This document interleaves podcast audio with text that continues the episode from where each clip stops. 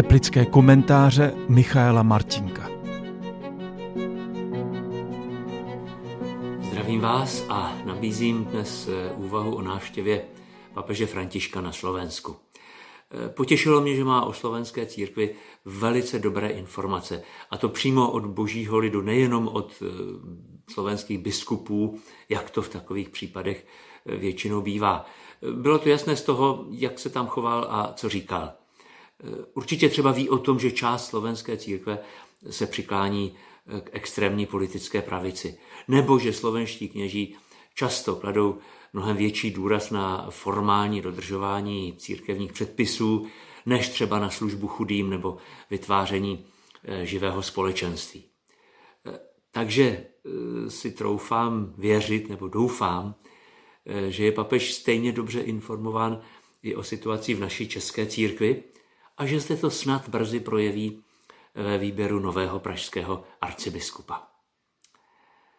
Na Slovensku věnoval František eh, třeba velmi osobní a srdečnou pozornost biskupu Robertu Bezákovi nebo eh, prezidence eh, Zuzaně Čaputové.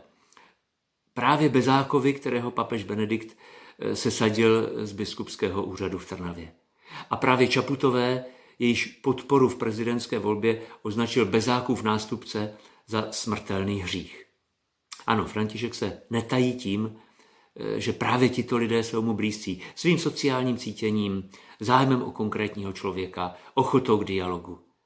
A právě v tomhle směru chce reformovat církev, tak, aby víc odpovídala tomu, co dělal a učil Ježíš Kristus. Říká, že naše doba není jen epochou změn, ale dokonce je změnou epochy. Eh, někteří přímo srovnávají tu současnou situaci církve eh, se situací těsně před reformací v 16. století. Eh, pro Martina Luthera bylo to poslední kapkou prodávání odpustků. Pro nás je to mocenské a sexuální zneužívání. Ovšem ta snaha o reformu se taky dá vnímat jako hereze, jako odklon od posvátné tradice. Zastánci tohoto názoru, a to jsou i někteří kněží, veřejně prohlašují, že papež František není regulérně zvoleným papežem a že tedy jeho slova a činy nemáme brát vážně, protože skutečným papežem je stále Benedikt XVI. Pokud by se k těmto lidem přidalo větší množství dalších, tak by skutečně hrozil církvi rozkol. Ale vraťme se eh, do Bratislavy. U památníku holokaustu eh, vyslovil papež kající přiznání. Kolikrát bylo nevýslovné jméno nejvyššího použito k nelidským činům. Kolik utlačovatelů prohlásilo, Bůh je s námi, ale byli to oni, kdo nebyli s Bohem. Možná bychom mohli tato slova vztáhnout nejenom na pronásledování židů ze strany křesťanů, ale na všechny bolesti, které i dnes působíme my, křesťané, druhým lidem. Třeba tím, že odmítáme slyšet a respektovat odlišné názory. Tím, že rychle soudíme a jenom pomalu odpouštíme. Že často jinak kážeme a jinak jednáme. Že se v politice spojujeme s extrémní pravicí nebo extrémní levicí. Že vylučujeme ze svého středu ty, kdo nevyhovují našim představám. A nebo že lidem předpisujeme, co mají a nemají dělat a nenecháme je dozrát k vlastní odpovědnosti. František vybízí jinému přístupu. E, v tom projevu biskupům, kněžím, řeholníkům a řeholnicím v Bratislavě řekl toto. Nebojte se utvářet lidi ke zralému a svobodnému vztahu s Bohem. Možná tak nabídeme dojmu, že už všechno nemáme pod kontrolou a že ztrácíme sílu a autoritu. Ovšem Kristova církev nechce ovládat svědomí. Chce být pramenem naděje v lidských životech. A to je riziko a zároveň výzva. Povzbuzuji vás, abyste vedli lidi k růstu oproštěnému od rigidní religiozity.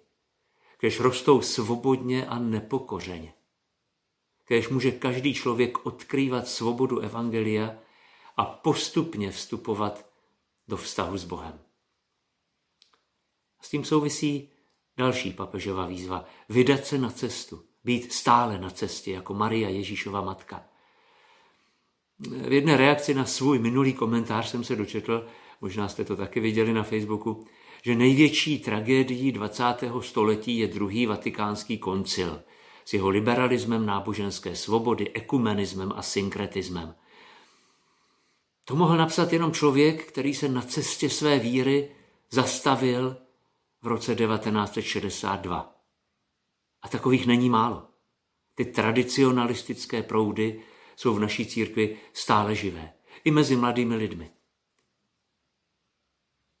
A zase papež na své pouti v šaštíně řekl, nezastavujte se. Když se církev zastaví, onemocní. Když se zastaví biskupové, církev onemocní. Když se zastaví kněží, onemocní boží lid. Chůzí překonáváte pokušení statické víry, která se spokojí s obřady nebo starou tradicí. Prosím, zůstaňte na cestě, stále nezastavujte se. Tohle říká papež eh, slovenským kněžím a biskupům a božímu lidu. A další jeho důraz se týká veřejného života. Zase v promluvě k politikům v Bratislavě. Tam vyšel ze symbolů chleba a soli. Říká, písmo nás zve, abychom chléb neschromažďovali, ale sdíleli. Chléb, o kterém mluví evangelium, se vždycky láme. Je to silné poselství pro náš společný život. Říká nám, že skutečné bohatství nespočívá ani tak ve znásobení toho, co máme, ale ve společném sdílení s ostatními lidmi. Chléb, který tím lámáním evokuje křehkost, nás zve zejména k péči o ty nejslabší. Křesťanský pohled nevnímá ty nejslabší jako břemeno nebo problém, ale jako bratry a sestry, které je třeba doprovázet a podporovat. A pak ještě dodává, e, nalámaný a rovným dílem rozdělený chléb připomíná význam spravedlnosti, poskytující každému příležitost k realizaci.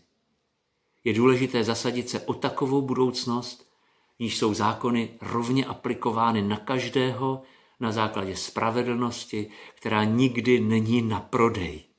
Až půjdete eh, za pár týdnů volbám, tak si prosím vás vzpomeňte na tahle slova a zkuste hledat stranu, která má k jejich naplnění nejblíž. Slovenským křesťanům a církvi pak papež připomněl odkaz svatých eh, Cyrila a Metodie, kteří jsou i naši národní eh, apoštolové.